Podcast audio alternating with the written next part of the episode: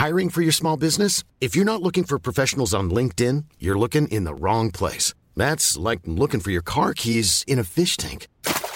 LinkedIn helps you hire professionals you can't find anywhere else, even those who aren't actively searching for a new job but might be open to the perfect role. In a given month, over 70% of LinkedIn users don't even visit other leading job sites. So start looking in the right place. With LinkedIn, you can hire professionals like a professional. Post your free job on linkedin.com slash people today. Since 2013, Bombas has donated over 100 million socks, underwear, and T-shirts to those facing homelessness. If we counted those on air, this ad would last over 1,157 days. But if we counted the time it takes to make a donation possible, it would take just a few clicks. Because every time you make a purchase, Bombas donates an item to someone who needs it. Go to bombas.com slash ACAST and use code ACAST for 20% off your first purchase. That's bombas.com slash ACAST, code ACAST.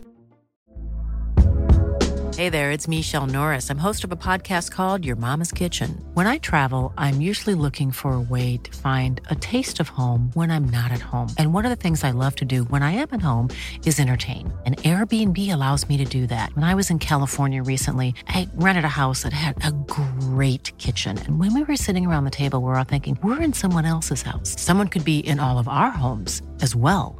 If you have a home, but you're not always at home, you have an Airbnb. Your home might be worth more than you think. Find out how much at airbnb.com/slash host.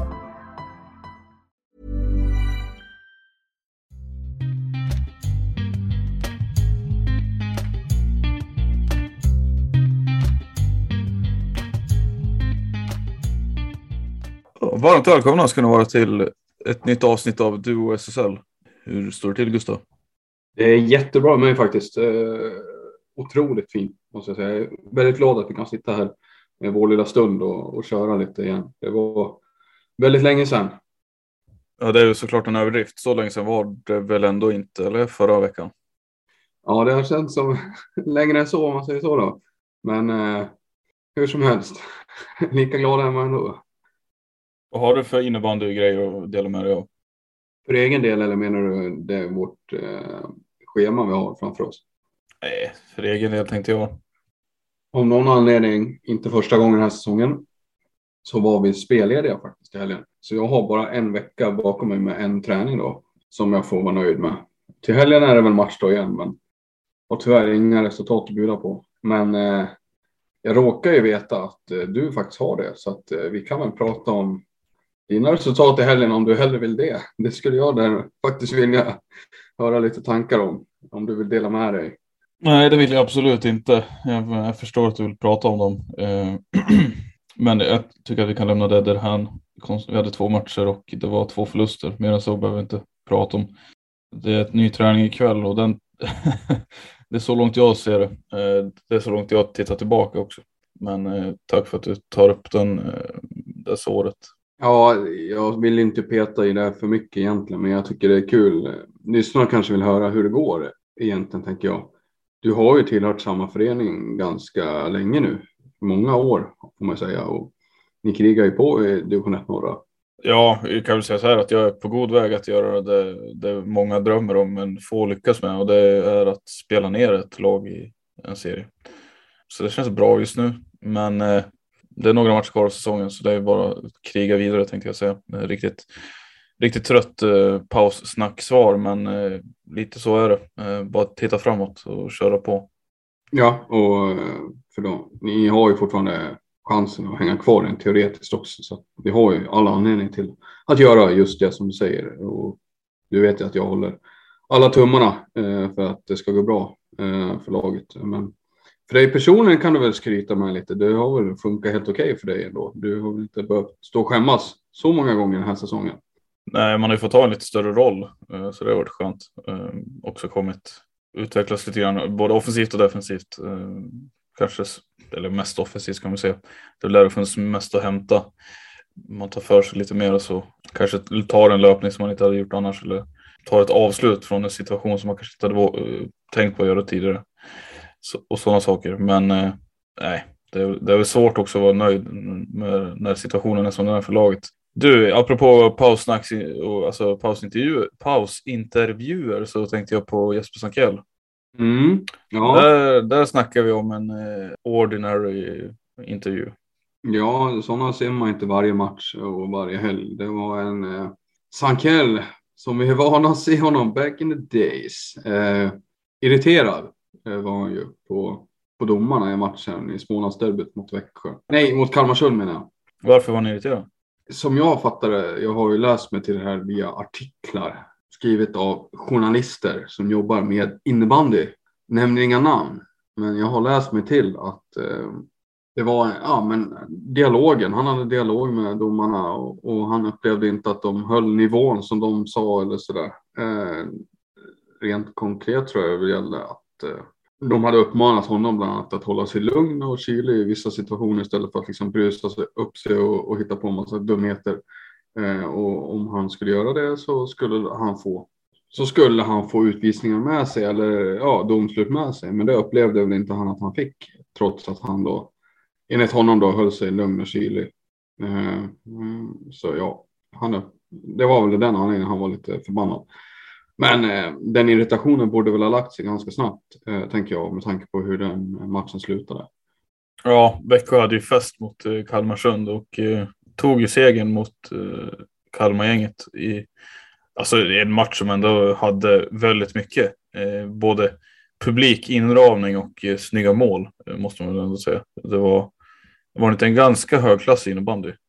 Jo, men det skulle jag säga. Det bjöds på väldigt mycket Eh, mycket kontringar, fina, fina frilägen. Eh, vassa diagonaler och fint uppspel. Eh, mycket närkamper, mycket känslor. Och precis som du säger, inramningen. Det är väl så här vi vill att innebandyn ska spelas.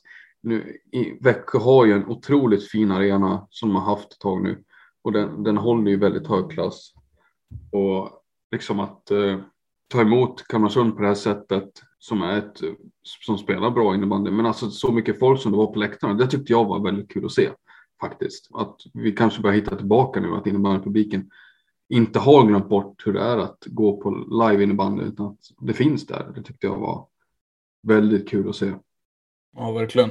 Det har ju hänt en del annat också, eh, men vi, vi började med att ta upp Sankell, han spelar i Växjö och medan vi ändå pratar om dem då så har vi lite nyheter där Eh, vi skulle vilja gå igenom. Eh, bland annat då att Tommy Bolin och Linus Pettersson har förlängt kontraktet med, med laget, föreningen. Två år till tror jag att det, de respektive avtalen gäller. Och det är väl klockrena förlängningar för dem, eller vad ska man säga? Ja, det tycker jag verkligen. Framförallt Linus Pettersson har ju blivit en, han är inte så gammal, han är 27-28 år, men han är, har blivit en trotjänare i laget. Eh, varit det ganska länge nu. En truppspelare får man säga. Han har inte fått så mycket förtroende egentligen. Han har ju varit en tredje femspelare på sidan av eh, må, må, många gånger också. Eh, får stå på sidan liksom. Men han har ju ett hjärta bevisligen för föreningen och, och väldigt nyttigt att använda sig i boxplay kanske och, och numerära, numerära underlägen. Eh, uppoffrande back som täcker mycket skott och, sådär. Eh, Tommy Bolin vet vi vad han kan på den här nivån. Det är ju en riktigt bra SSL-spelare och eh, fråga som finns eh, som man har då efter framförallt signeringen av honom då är att deras vänstersida ser ju väldigt mycket mer fullspäckad ut än vad den redan gör. Konkurrensen där är ju knivskarp med de namnen som finns. Eller vad säger du? Framförallt tänker jag på kommande säsong då och det framtida lagbygget när man förväntas få in André Andersson eh, också. En vänsterforward. Och eh, då är frågan liksom, kommer man ta bort Bolin från den formationen som han spelat i med Persson och Nilsson? Eller eh, för att göra plats då för Andersson? För Andersson har ju spelat med Persson tidigare tänker jag. Eller hur, hur tänker du där? Alltså, för, för du har ju Sankell där också. Det är alltså Folkesson Aliman dessutom. Då är det fyra riktigt skarpa eh, vänsterskyttar så att säga. Eller högerskyttar, hur, fan, hur, hur det nu blir. Men eh, det känns ju som att an, ankomsten eh, från, alltså Anderssons ankomst kommer röra till det lite nästan. Ja, det blir en angenäm eh, röra får man säga. Eh, och eh, det går ju inte riktigt att svara på hur man ska formera de här eh, formationerna. Men Bolin hintade i intervju med, om det var Borgström eller Oskar Lund på Expressen förut, att eh, det är ju bra. Han ser positivt på den här konkurrensen, att utveckla honom som spelare. Eh, men att det får man ju se. Det kan ju finnas andra alternativ än att de ska ha de fyra vänsterforwardsarna. Utan att det kanske är tal om att man får byta position och så här.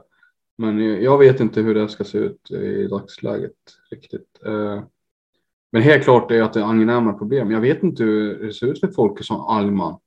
Eh, de andra tre är ju där för att stanna bevisligen. Men just hur ser det ut för honom? Har han verkligen avtal? Det låter ju som att eh, jag är lite osäker på den punkten, men han borde ju ha många klubbar efter sig tänker jag. Det kryllar ju inte av duktiga right-spelare, right-forwards. Nej, det gör det väl inte. Eh, vi får se vad som händer där. Men det är ett, som du säger i början att det är ett, det är ett lyxproblem egentligen eh, i grund och botten att ha de här spelarna eh, på plats. Och det är ingen som klagar över att ha så pass eh, namnkunniga spelare eh, på, en, på en och samma position egentligen. Men eh, ja, men då har vi avhandlat det lite grann. Jag eh, tänkte, ja, jag tänkte nog få se vart vi, fasiken vi ska ta det här någonstans. Jag tycker vi går tillbaka till resultaten.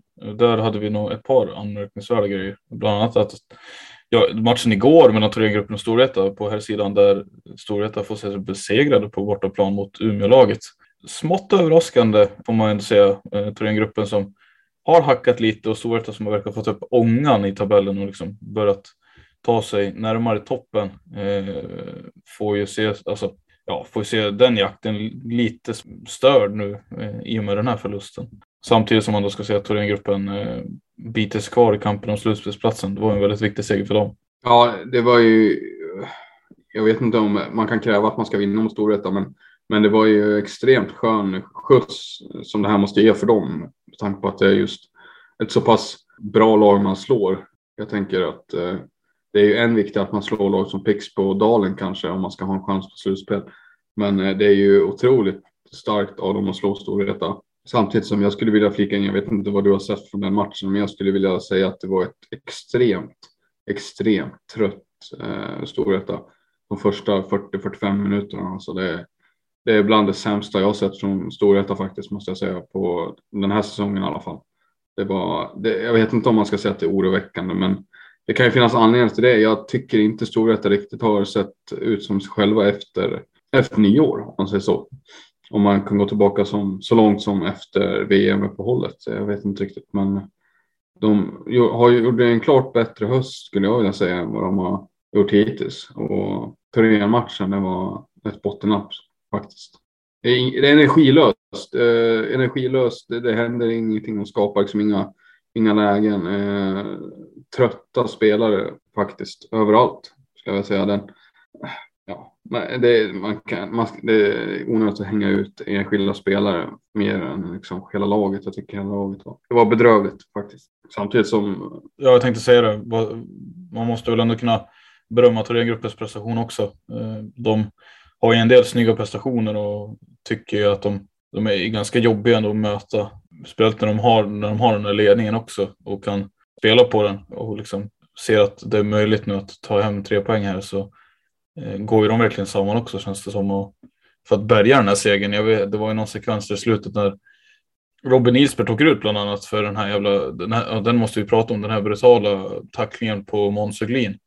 Eh, där ja. Höglin, Höglin kutar ju från eh, offensiva tredjedelen för att snett över bara för att liksom täcka skottet från Nilsbert då tror jag det var då, som sköt och sen i efterspelet av skottäcket när Höglin ska försöka iväg med bollen så är ju Nilsbert lite långsam och liksom fastnar med knät i, i hans knä eller vad man ska säga på något sätt. Eh, så det ser riktigt illa ut också. Det ser ganska medvetet ut för också. Jag vet inte om han har uttalat sig efter det, men eh, ja, det skulle, skulle vara intressant att höra hans syn på den situationen.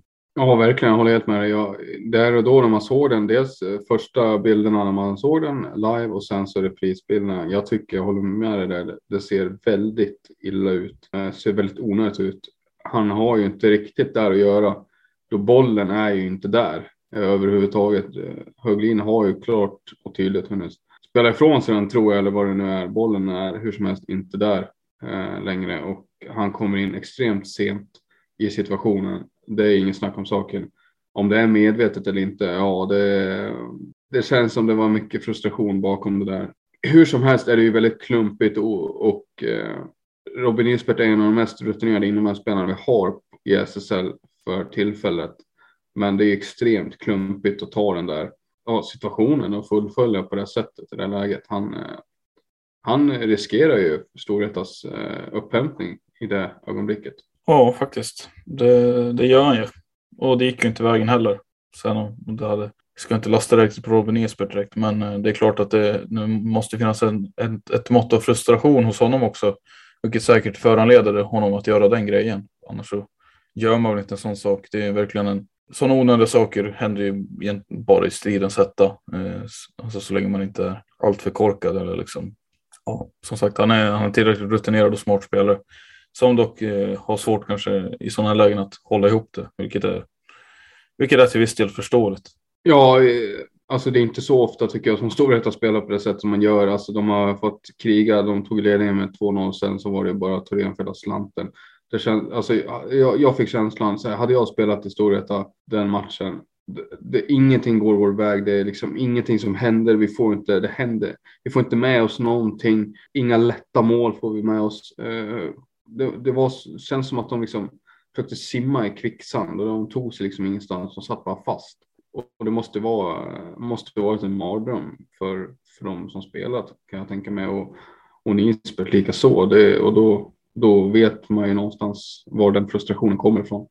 Men det kommer ju väldigt olämpligt läge. Om, han, om det är någon signal han ska skicka eller hur, hur det nu är med den saken så är det ju. Hade han kunnat ta den eh, 20 minuter tidigare kan jag tycka. Men. Eh, Absolut. Eh, vi har inte sett något efterspel av det här va? Det är ingen anmälning från Torén sådär va? För det var ju just med tanke på. Jag tror det inte det, vilket, eh, vilket eh, i sin tur tycker jag är konstigt att man inte har sett någonting. Men, det, men, det, det finns också någonting som är skönt tycker jag om man får tillägga det. Att just den här anmälnings... Jag tycker det var en viss anmälningshets förut innebandyn. Jag vet inte vad du känner kring det, men jag vet inte. Jag, jag reagerar inte jättemycket på att det inte har kommit någon anmälan. Jag vet ju inte hur det gick med Höglin egentligen heller efter, efter det, men jag är inte jätteförvånad att det inte har kommit någon anmälan. Det var väl senast bara för någon dag sedan, eller ett par dagar sedan, då, då juridiska nämnden eh, tog beslut i fråga om, eh, vad var det då? Någons respektive klubba, var det Wettergrens klubba där som, som kändes liksom lite väl billig typ. Eh, så jag, jag är med dig på den lite grann. Det känns som att ibland är det som att man anmäler för minsta lilla bara för att folk ska åka dit och så. Men, men i det här fallet tycker jag väl att, det, att man kan rättfärdiga en anmälan också. Men eh, jag ska inte hamna djupare på det. För då snurrar man in sig på saker och ting man kanske kommer eh, ångra att man säger. Men eh, jag tycker vi rör oss vidare. Vi, vi ska beröra att Hagunda slog Dalen med 11-7. En seger som för Hagundas del är väldigt viktig nu när det har rört, det rörde till sig i helgen också i bottenstriden. Mest för resultat som Sirius har lyckats leverera och Jönköping kanske också har gjort resultat som, som inte var så fördelaktiga egentligen för dem själva. Eller vad, vad säger du? Nej, men så är det ju. Uh, absolut. Både Sirius har ju skakat och vaknat till lite grann och plockat ett par poäng och, och Djurgården har väl också haft någon pinne de har tagit. Så att, uh, ja, det har ju sprattlat lite bland de bottenlagen om man säger så då. Vilket uh, man kanske, vi kanske kan beröra lite också då. Men, nej men absolut, som du säger, du, du, det här, jag, tror, jag tror det är avhängigt nu tack vare den här segern så tror jag Hagen har gjort det de behöver göra för att spela sig nästa år. Jag tror inte de behöver känna någon panik. Det, om det inte de lagen bakom får någon liksom super och börja plocka tre poängar här nu. Det, men det har jag svårt att se. Det, det tror jag inte på. Så att eh, Hagunda kan mycket väl ha säkrat sitt kontrakt. Det är vad jag känner kring, kring det här. Kul för dem, kul för dem.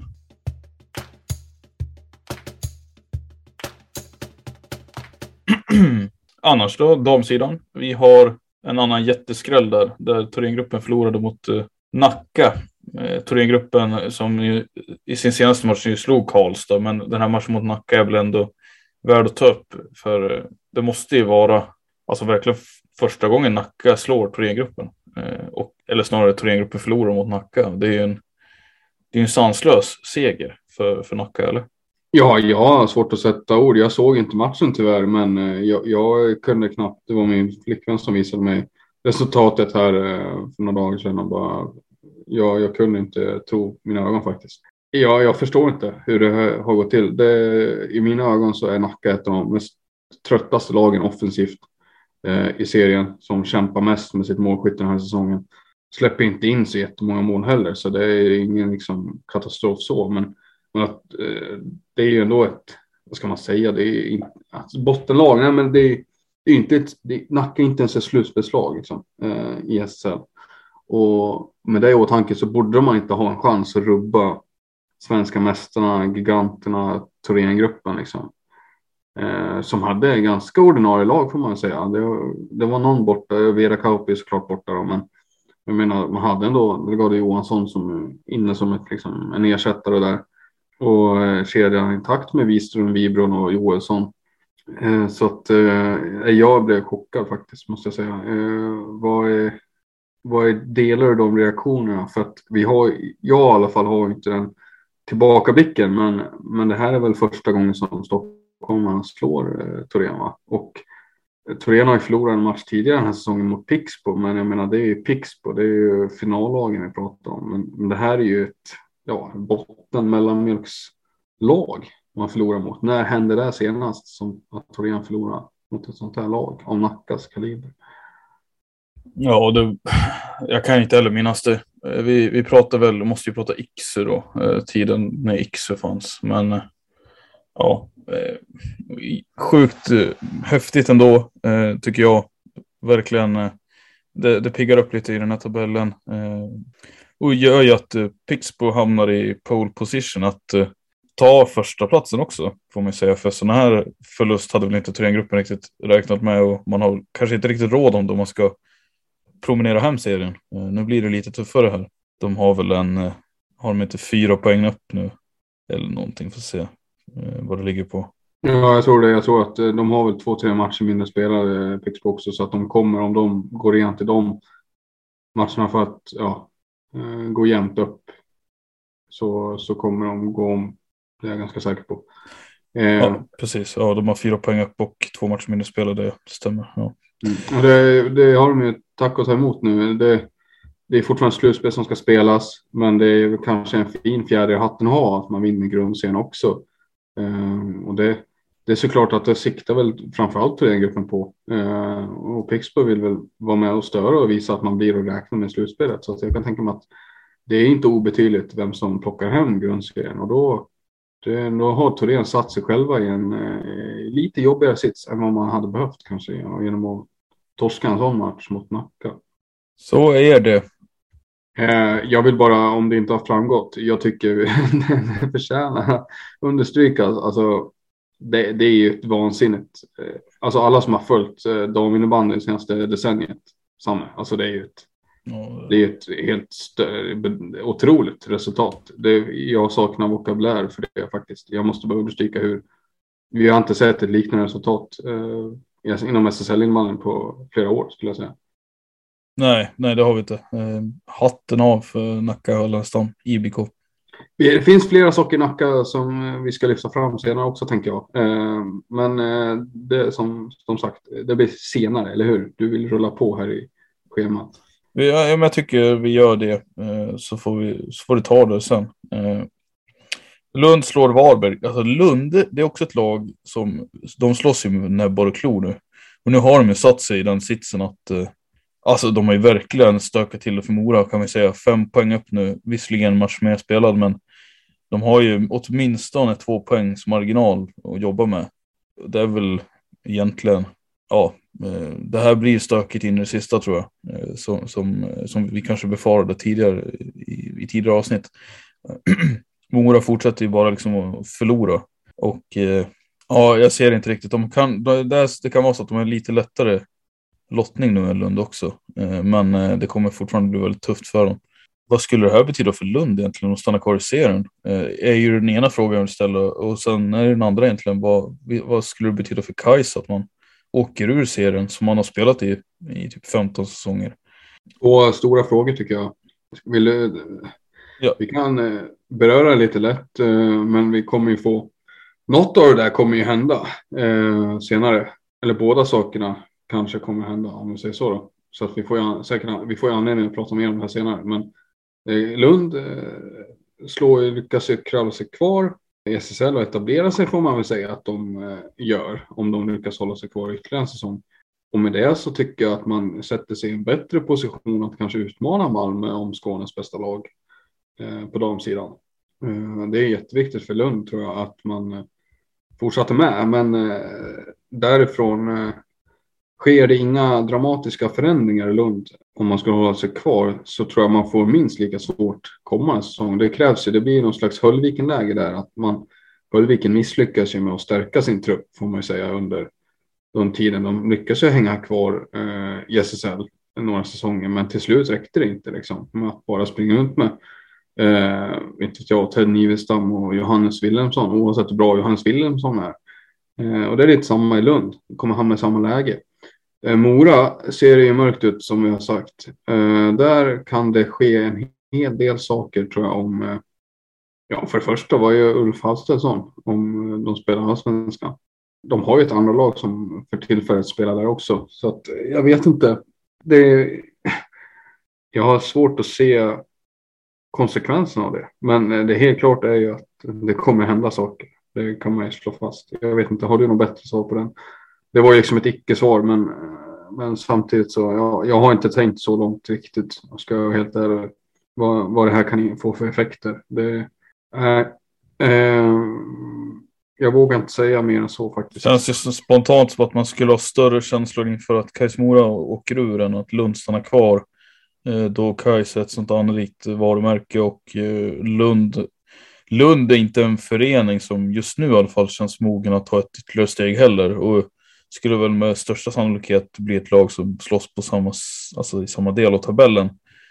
Och i ärlighetens namn kanske har svårt att locka spelare och ha en, den liksom problematiken att brottas med, vilket då hindrar kanske en vidareutveckling av laget som, som har spännande spelare. Men det, det är klart att det, det fattas ju en del för att man ska liksom vara uppe och nosa där på slutspel. Även om man bevisligen har visar att man kan vara svårspelade även fast man har ett ganska grått lag. Men det är väl just det att man har ett ganska slätstruket lag med undantag för några enstaka som, som gör att man inte hyser några, man hyser inga större känslor för, för laget liksom. Så, så ja, jag, jag lutar väl mer åt, eh, det vore jättesynd om Kajs åkte ur nästan eh, faktiskt. Ja, det är ju som du säger, det är ett anrikt, eh, anrikt märke, en anrik förening som har varit i SSL väldigt länge och eh, samlat på sig väldigt många SM-medaljer som det skrivits om också. Det får man inte glömma. De har ju prenumererat på semifinal och finalplatser under ett decennium i alla fall. Um, och tyvärr, och jag tror tyvärr vi kommer få återkomma till det här, eller det vet jag att vi kommer göra. För det här är någonting som funderar väldigt mycket på. Just den här tiden efter Anna Wik till exempel. Det är ofrånkomligt för mig att eh, koppla samman det här. Men, men just det, ombyggnationen, förfallet, eller vad man nu vill kalla det här som sker, så är det ju någonting som hänger ihop med efterlevnaden av Anna Wik, hennes frånfälle.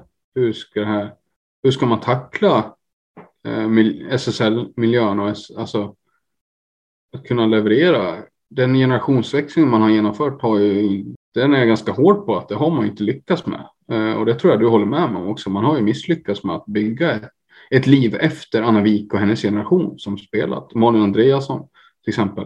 Jessica Eriksson. Eh, de spelarna. Eh, fast, fast eh, den är ju lyckad sett till att man lyckas lyfta upp väldigt många juniorer i laget som är till viss del egenfostrade. Den är ju inte lyckad i den mån att man ser ut att åka ur. För en lyckad generationsväxling ska väl ändå innebära att man klarar sig alltså att man kan lyckas vara konkurrenskraftiga i en serie trots att man tappar nyckelspelare.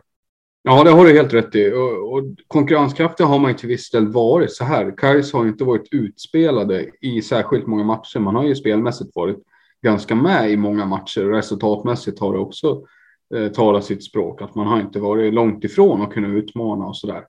Men vad heter det? Är som du säger, man, så nära, alltså tyvärr så vet jag inte vad som talar för att de lyckas ta sig förbi Lund som ser ganska stabila ut för tillfället.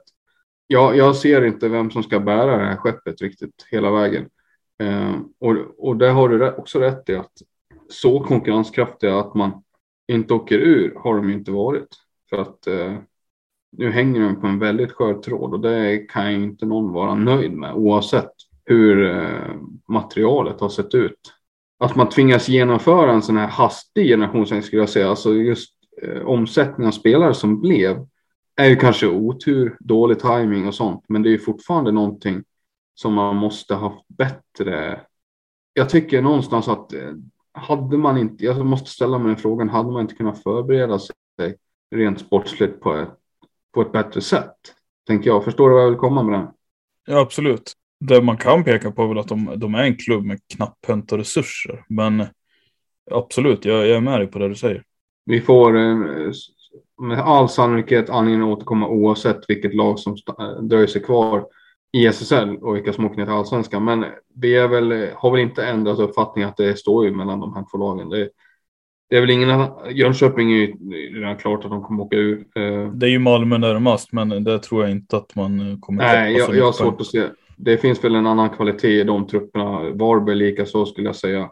Eh, trots att man åkte på den här dyngtorsken mot Lund så är det väl ändå lag som har en annan kvalitet i truppen. Eh, det jag vill flika in på just Varberg. Eh, sen vill jag, jag vill säga en sak om dem. Jag vill se om du håller med mig eh, i det här.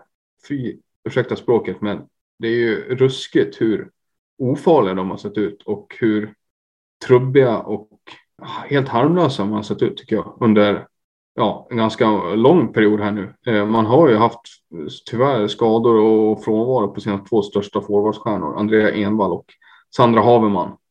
Men ut, och utan dem, det är det jag vill komma till. Vad har Varberg då? Ingenting. De står ju för 90 procent av produktionen framåt. Ja, det gör de ju faktiskt. Men så har det varit länge att, eh, alltså flera säsonger att de har liksom sett lite beroende av vissa eh, enskilda spelare. Och är väl en av förklaringarna till att man inte förmodligen kommer nå slutspel i år igen. Man har ja. helt enkelt inte täckning eller uppbackning av, av eh, offensiva positioner. Eh, samtidigt som, jag vet inte vad du tycker om deras defensiv. Där känns det ju som att den skulle man kunna förbättra. Jag vet inte om det är det som är problemet. Nej, jag, det finns utrymme för potential där också. Aola, Amanda Aola är ju bra defensivt, en av de ligas snabbaste backar. Men det är klart att det går att höja den ett par snäpp. Eh, för de har ju släppt in mycket mål också, det ska vi inte komma ihåg. Eller glöm, det ska vi inte glömma. Men det är offensiven som du säger, den har, har varit synonymt de senaste säsongerna att man har ju ingen secondary scoring att tala om bakom just de spelarna vi nämner. Camilla Halldén försöker väl dra sitt strå till stacken. Eh, Sofie Karlsson hade man ju ett tag som gjorde ett bra jobb också. Eh, men eh, hon finns ju inte kvar och, och där. Och de andra lagen drar ju ifrån. De andra lagen har ju avancerat och blivit bättre. Eh, Malmö har ju fått in Maja Ekström till exempel som bara blir bättre och bättre. Frida Majs Olsson har de till exempel. Lund har ju en kärna av spelare som är väldigt bra och duktiga och kan utmana och bevisligen också slå Varberg här. Sen Falun har ju verkligen, ska vi komma till också, men Falun har ju sin resa som de har gjort och, och verkligen tagit sats. Och Varberg tycker jag står still eh, på samma ställe som för typ fem år sedan. Ja, lite så känns det. Faktiskt, det som talar för att de har ett någorlunda ungt lag ändå med 99 Envall och eh, Haverman och lite andra spelare som dyker upp så här. Men det vill ju till att de får en skjuts i sin utveckling också. Kan bli något annat än liksom biträdande spelare på SSL-nivå. Jag skulle vilja skifta, eller innan vi skiftar från damerna till herrarna igen då så lär vi väl ändå prata om Faluns trend. Den är ju super, superfin, alltså jättestark. Man har gjort sådana bra resultat mot toppkonkurrenterna. Eh, jag tänker då främst matcherna mot Endro och Pixbo. Eh, och de här, det har gjort att nu, man, man, tar, man har ju klivit upp nu på den femte platsen i tabellen och eh, har väl också säkrat en slutspelsplats måste vi säga. Ja, det är jag helt övertygad om att man har gjort i och med det här eh, faktiskt. Det är otroligt eh, stora maktdemonstrationer får jag säga. Att man slår Pixbo på hemmaplan. Eh, Pixbo är ett mål på hela matchen. Eh, Falun är två, men det räcker om man kontrollerar det jättefint. Eh, ska lyfta fram några spelare, men det tar vi till senare. Ja, jag vet inte Samuel, vi har ju pratat lite om det här du och jag och vi har väl haft, vi har ju varit överens tror jag om att Falun kommer ha en resa att göra här, sa vi inför säsongen, att man inte kan räkna med att alla bitar kanske sitter på plats från första tek där i september eller vad det är. Men du har väl ändå varit lite kritisk under tidigare under hösten på att det har, resultaten har hackat och Falun har fått ligga och sväva lite ovanför det negativa strecket om man säger så, mellan det och slutstrecket. Men eh, nu tror jag vi båda kan säga att, eller vad känner du? Det har väl fallit på plats nu, eller vad tycker du? Moa Jakobsson, Gustafsson är ju otroligt bra och Ellen Svensson är också, får man inte glömma. Och, och Ida Hedén i kassen har väl gjort eh, en riktigt bra vecka också här bakom sig. Ja, absolut. Eh, det, det kan jag hålla med om. De, de har väl fått till det eh, faktiskt. Eh, kedjorna, alltså positionerna sitter. De, och det, det, här ska vi säga var ju där man liksom trodde att de skulle kunna vara när de hade värvat ihop det här laget. Men eh, det är klart att det såg inte bra ut eh, och, och det är inte så konstigt heller att man behöver en uppstartsträcka. Eh, liksom, att det finns en omställningstid till en ny miljö och ett nytt lag. Men eh, jag, har ju, jag skulle vilja hävda att jag har ju aldrig skjutit dem i sank utan jag bara krasst konstaterat att resultaten är inte tillräckligt bra sett till vad man förväntar sig inför säsongen eh, när man värvar de här spelarna. Eh, sen kanske det inte fanns riktigt den här förståelsen för att det behövs en omställningstid men eh, den bör man ju ha och nu ser man ju ut som det här laget som ja, man tänkte att de skulle vara. Det, det kanske fattas lite grann för att man ska vara uppe där och bråka med de allra bästa men samtidigt vinner du med 2-1 mot Pixbo eh, så så har det visat att du kan bråka med de bästa också. Och nu om Nacka slår Thorengruppen så finns det ju ingenting som talar, tycker jag, för att Falun ska kunna hota dem också. Och det må ju så vara att Thorengruppen saknar Vera Kauppi, men det är fortfarande typ seriens bästa lag. Och eh, eh, ja, det här, det här ser jäkligt spännande tycker jag inför slutspelet. Att se vad de skulle kunna göra. För de är utan tvekan kanske seriens formstarkaste lag, eller? Det skulle jag verkligen säga. Det skulle jag verkligen säga. Det finns väl inga konkurrenter där egentligen. Rönnby, ja, Rönnby är väl de som utmanar där också, som har fyra raka här nu. Eh, har vi pratat tillräckligt om Rönnby tycker du?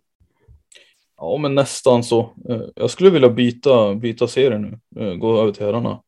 Mm, eh. vi, vi gör det, så lägger vi in en sån här fin liten jingel jag säger, som signalerar att vi byter spår. Precis.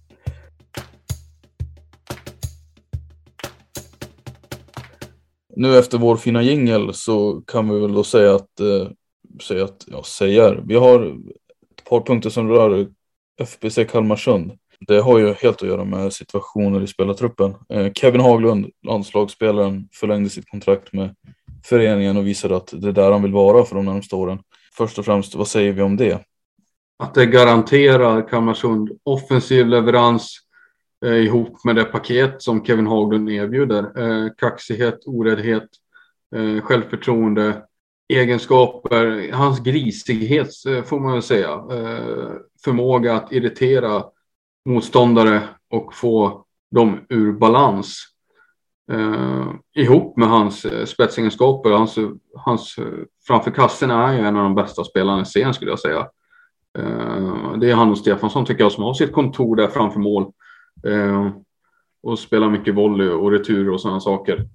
Eh, där, eh, det, det garanterar, han har varit en av Kalmarsunds bästa forwards i år tycker jag och det, jag tror du håller med i det också. Eh, och det garanterar dem eh, framtid också. Han är ju relativt ung fortfarande, Hagland. Han fyller 24 i år. Eh, så att eh, rutinerad och redan nu, eh, han är ju landslagsspelare liksom. Eh, det är otroligt, eh, en av deras viktigaste förlängningar skulle jag säga tror jag faktiskt. Vad, vad tänker du? Jo men det är klart, speciellt i den åldern han är också med sina 23-24 år liksom, så är det väl de bästa åren man får av honom som innebandyspelare just nu. Det hade varit jättesynd att se honom gå till en konkurrent och, och liksom att, att, släppa honom, att få se honom då lämna för en konkurrent eh, i det här skedet av sin karriär skulle på något sätt indikera att Kalmarsund inte heller är bra nog för en landslagsspelare. Så det är ett jättekvitto på dem och deras verksamhet om de kan behålla en landslagsspelare i den åldern. Och det i och med också att det var där han tog sina kliv till att bli den här spelaren vi ser. Innan han kom dit så var han väldigt, det fanns ju mycket att slipa på där och han hade ju inte riktigt blommat ut till en fullvärdig SSL-spelare kanske. Eh, nu har han blivit det och ganska mycket mer också. Så det är ju jättekul, jättekul för Kalmarsund. Får jag flika in? Ja, absolut. Jag tänkte bara säga också att den är väl viktig på så sätt också att den borgar för deras, eh, deras satsningslegitimitet om du förstår vad jag menar. Eh, vi har ju redan sett att Simon Nilsson och Mackan Johansson har slutat. Eh, Kevin Björkström går i tankar på att lägga av, kanske redan nästa säsong. Eh, och Kim Nilsson vet vi inte riktigt var han står någonstans, eh, men det kan inte vara många år kvar. Eh, Haglunds förlängning är väl väldigt viktig ur symboliskt perspektiv tänker jag på att för Kalmarsund har ju satsat några år nu, men man är väl på väg in i ett läge där man, alltså förstår jag, man har nått liksom en mellanplatå i sin satsning. Och nu ska man för, väl försöka fortsätta behålla farten i satsningen och liksom visa att man fortfarande är att liksom räkna med om det är kampen om det är SM-guldet, tänker jag. Lite så är det ju. Och det är där lite grann jag menar också med att eh, tappa honom till en konkurrent skulle vara ett dels ett slag för dem och deras status liksom. Men, men också för deras chanser att hävda sig såklart. Thomas Krona på väg att lämna Kalmarsund har du skrivit och då är, är det frågetecken med där liksom. Vad, vad är det för saker och ting som händer där? Det är vår kära, våra kära innebandygubbar på Expressen som har skrivit om att det är ganska klart med Thorengruppen faktiskt för hans del. Och där kanske du har lite mer info att ge med tanke på ditt bevakningsområde. Ja, faktiskt inte. Det var en nyhet för mig. Men eh, det, det, känns ju nu, nu när det sägs så vore det oerhört logiskt för Thorengruppen att hitta en efterträdare till Erik Ställ som ändå blivit 37 år gammal. Liksom. Det, det känns ju jätterimligt. Och han har ju spelare här uppe från RIG, alltså kompisar som, från hans tid på Riksinnebandy i Elias Niklasson bland annat. Eh, så det känns ju oerhört logiskt. Med tanke på också att han inte har fått den speltiden han kanske vill ha i Kalmarsund och inte kommer få förmodligen Eh, när de har Kalle Bending, Sörling där. Det känns ju jätterimligt. Och då ska det alltså vara klart från och med nästa säsong. Ja, det är det som eh, Expressen rapporterar i alla fall då. Kalle Benning eh, har ju aviserat att han blir kvar i Kalmarsund och därmed är ju eh, den eh, första positionen är väl ganska satt får man säga. Så att eh, vill han ha mer speltid Kronan då får han söka ny förening. Det är väl så ungefär landet ligger och eh, Thorengruppen rapporteras det ju bli vad säger du övrigt om deras målvaktssituation? De har väl haft Tobias Svensson där bakom också den här säsongen, men det är alltså ingen som du tror kan ta det ansvaret istället och vara etta. Svensson har ju varit med ganska länge nu eh, som någon slags lovande keeper. Han är väl typ 25 närmare tror jag och eh, har spelat i Dalens andra lag i Divett under ganska många säsonger innan han hoppade på Thorengruppens satsning med deras Div 1-lag också, eller Div 2-lag eller hur det var. Men när Thorengruppen valde att satsa på sitt andra lag så hoppade väl han över i samma veva ungefär och eh, har väl gjort mest matcher där. Eh, sen tror jag i och med situationen som blev inför den här säsongen när man tappade talangen Oskar Mikkonen då som kanske var tänkt att konkurrera som andra gubbe bakom ställ tillsammans med någon till. Så fick väl Svensson hoppa upp då och liksom fylla den luckan. Men mer än så tror jag inte att man liksom kommer förvänta sig av honom på SSL-nivå. Han, jag får mig att han stod en match här nu mot slutet eh, där eh, ja, han släppte väl. Han hade väl ganska jobbigt. Eh, nu minns jag inte vilka de mötte, men var det, om det var Falun? Nej, kan det ha varit det? Jag tror nästan det. Och det, det såg tufft ut liksom. Det känns inte som en SSL-keeper riktigt, tyvärr. Sen har de ju, nu ska jag, innan du hoppar in så har de väl haft typ en Martin Rudeström där också. Men då, även han är ju en veteran. Samma med samma med John Stiglund, men han börjar också bli till åren. Han är fyllt 30, så det kanske inte är en keeper för framtiden att satsa på. Det känns ju väldigt, känns ju rimligt ändå med Thomas Krona måste jag säga. Ja, eh, med det sagt eh, så har vi nämnt Thorengruppen och där har det också hänt lite mer saker internt eh, får man säga redan nu och in, som inte dröjer till nästa säsong. Magnus Norman har vi inte sagt förut. Eh, headcoachen har fått sparken. Han får lämna. Han har lämnat sitt uppdrag. Eh, varför vet vi inte. Samme, kan du ge oss lite mer här? En del av uppgifterna som har kommit fram är ju att han tydligen ska ha varit för hans ledarstil ska inte ha liksom den ska sluta fungera i spelartruppen och att en del av spelarna upplevt den som lite hård verkar det som.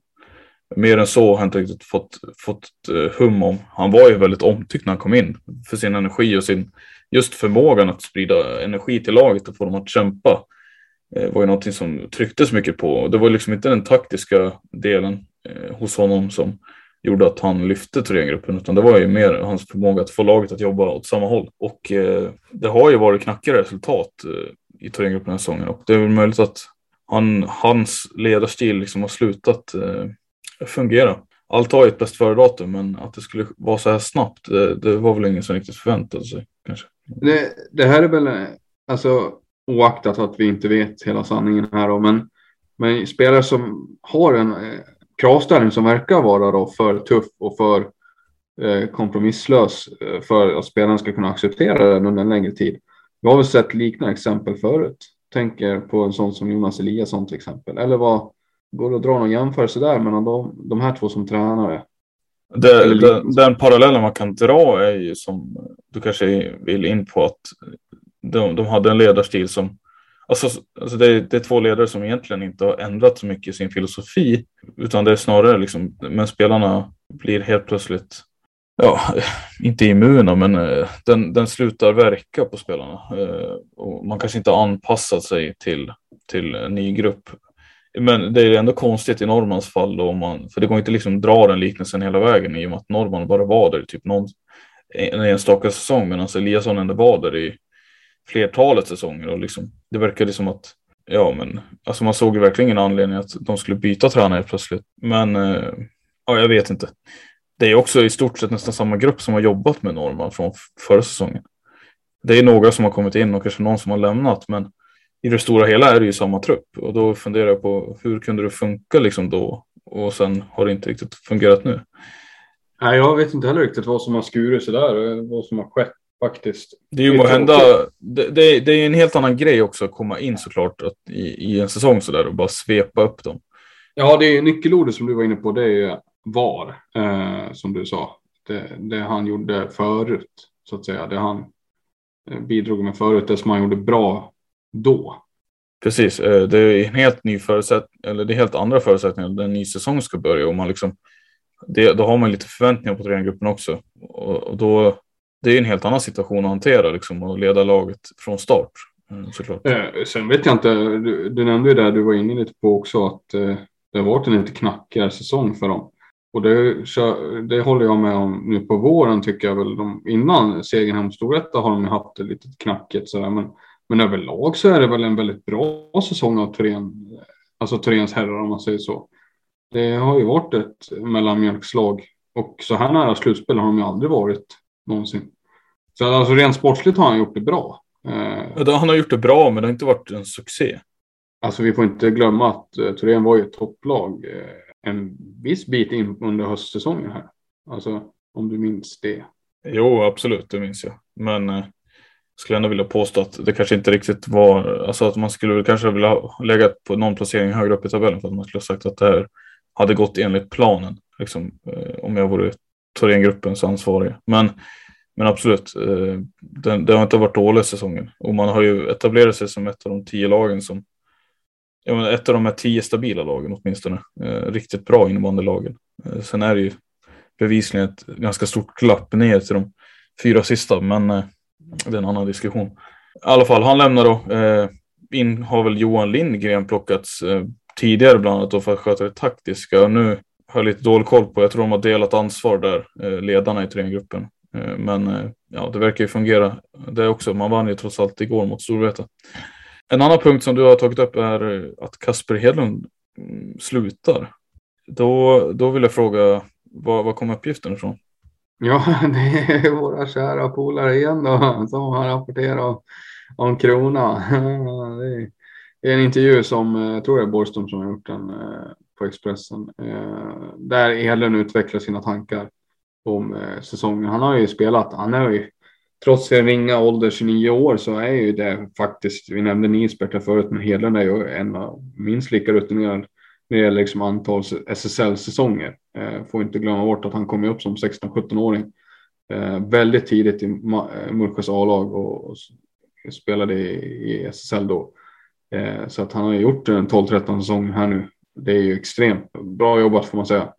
Så att eh, ja, det, han har ju fått, eh, han är, man har ju, han har ju vuxit upp och sådär och, och som jag bedöm, eller uppfattar det så har han ju en sambo nu tror jag som han bor med och sådär. Och börjar komma in på att det finns andra saker som man kanske vill göra, och uppleva i livet innan det liksom är för sent och, och sådär. Och, menar, han har ju vikt hela sitt innebandyliv åt Mullsjö så att det, det, är väl ingen som ska lasta honom för om han slutar. Och det är inte heller konstigt vill jag mena att man med tanke på vad han har i bagaget kanske börjar känna av att motivationen eller inspirationen om man säger så inte är hundra procent hela tiden. Eh, och att han kanske går åt tveka lite. Det verkar ju som det lät då så verkar det ju vara 50-50 ungefär om han kör på eller inte.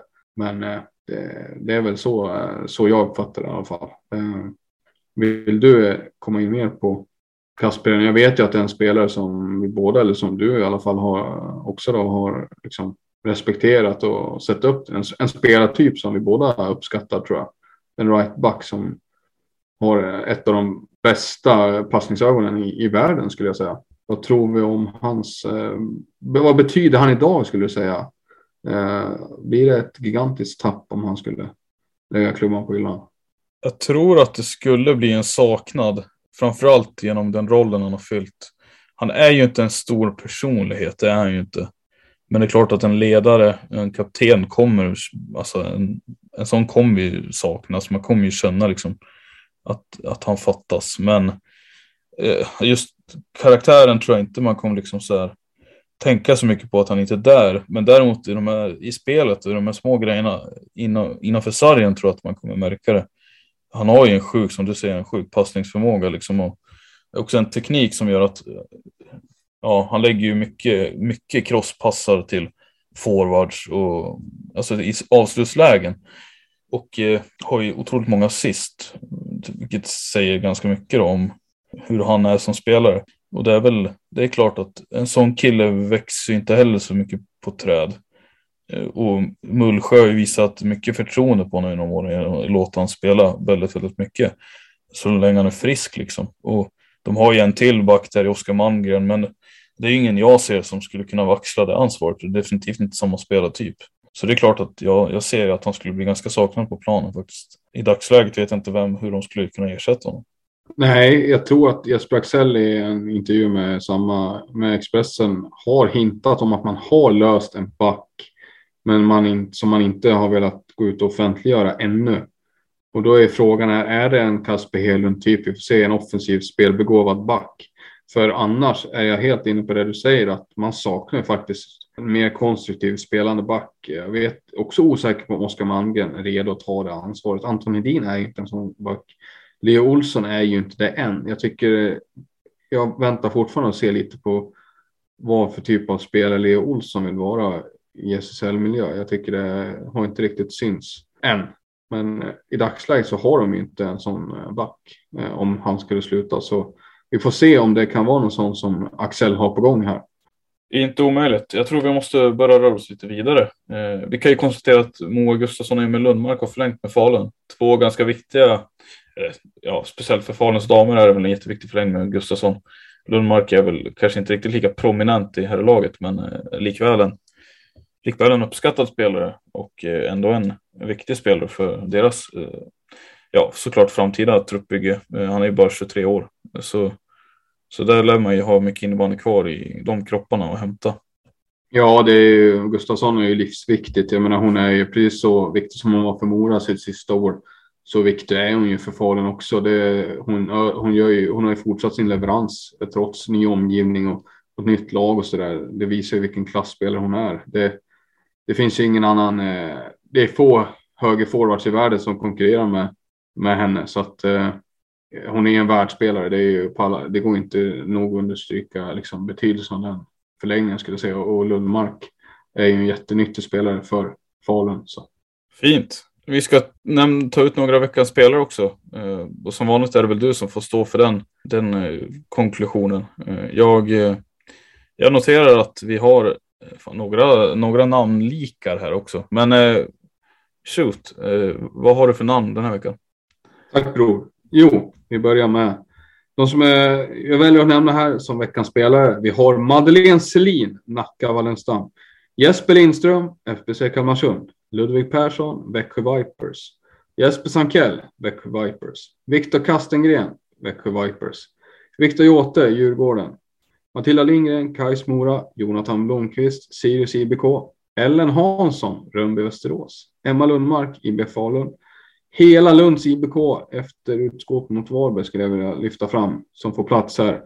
Eh, särskilda utnämningar till Hilda Hammer och Mina Karlsson framför allt. Eh, sen har jag några bubblare här, spelare som jag tycker gjort det bra under veckorna sedan vi sist hördes. Och eh, Jesper Alm, Linköping, Silje Eskelinen, Malmö FBC, Oskar Johansson, Helsingborg, Daniel Sonilsson, Dalen, Ida Eliasson, eh, Pixbo. Och sist, men eh, ja, en av de yngsta också är det Lina Källström Andersson i rookien som har kommit upp i Faluns trupp och fått chansen på tre formationer där. Eh, det är väl dem. Är det några namn här som väcker större frågetecken än andra skulle du säga? Inget frågetecken, men man kan väl fortsätta på det inslagna spår som en del har gjort med Viktor Jåte i Djurgården och det han har gjort sedan han kom in är väl eh, så att Borgström skrev på Twitter att eh, Anders Borgström då, journalisten skrev att han hade gjort är det 7 plus 7 nu på sex matcher någonting. Det är vansinniga siffror egentligen. Man undrar lite grann vad, vad det är för liga när, när han, han, kommer in och gör det. Eh, det är ju såklart jätteanmärkningsvärt. Jag hade ju ingen koll på honom tidigare. Bara liksom hanka runt i div3 typ. Och... Ja, han har ju spelat på högre nivå förut, men just som du säger, han kommer in från division 3 nu helt plötsligt och bara smaskar dit dem en efter en. Typ, han är 27-28 år gammal också. Mm. Jag vet inte hur han tänker runt sin framtid, men eh, oavsett hur det går för Djurgården så har han satt sig i en ypperlig position för eh, alltså ett bättre kontrakt, eller?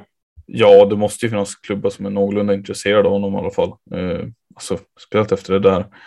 Men, men det är ju frågan om, om han känner sig, om han är en sån som vill satsa på sin karriär också, eller på en innebandy, på sitt innebandyspelande, det vet man inte. Men om det är så att han vill det så borde han ju kunna hitta något SSL-anbud efter den här säsongen, absolut. Svårt att säga också hur det ser ut, liksom för hur marknaden ser ut för en sån spelare. Eh, jag menar, det är inte en, han är inte 21, 21 22 heller. Alltså, det är så här, det är lite grann what you see, what you get. Ja, han har väl inte så mycket mer nej, och, potential om man säger så.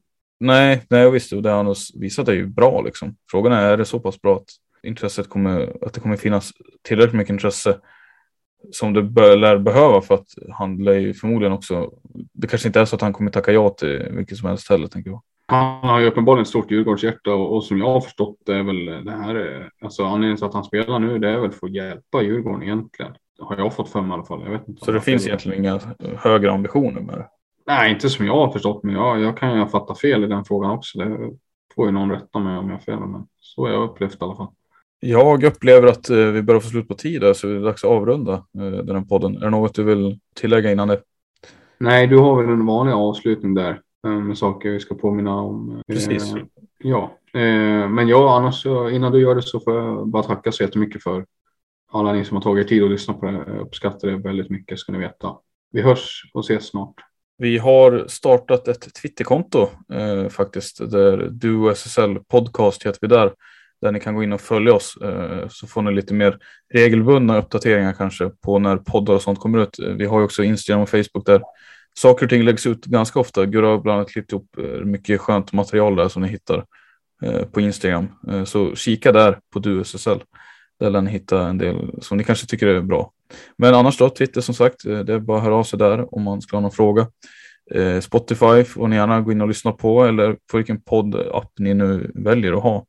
Men, men, Spotify är bra i alla fall för de har ju börjat med det betygssystemet. Så ni får jättegärna eh, betygsätta podden eh, på något sätt så ser vi om, ni, om det finns någon som tycker om det vi gör.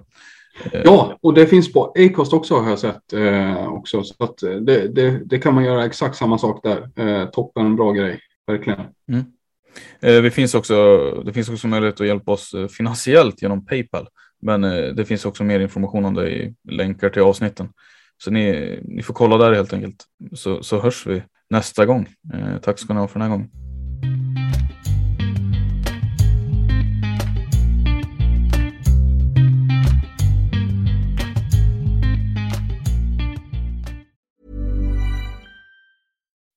When you make decisions for your company, you look for the no-brainers. If you have a lot of mailing to do, stamps.com is the ultimate no-brainer. Use the Stamps.com mobile app to mail everything you need to keep your business running with up to 89% off USPS and UPS. Make the same no brainer decision as over 1 million other businesses with Stamps.com. Use code PROGRAM for a special offer. That's Stamps.com code PROGRAM.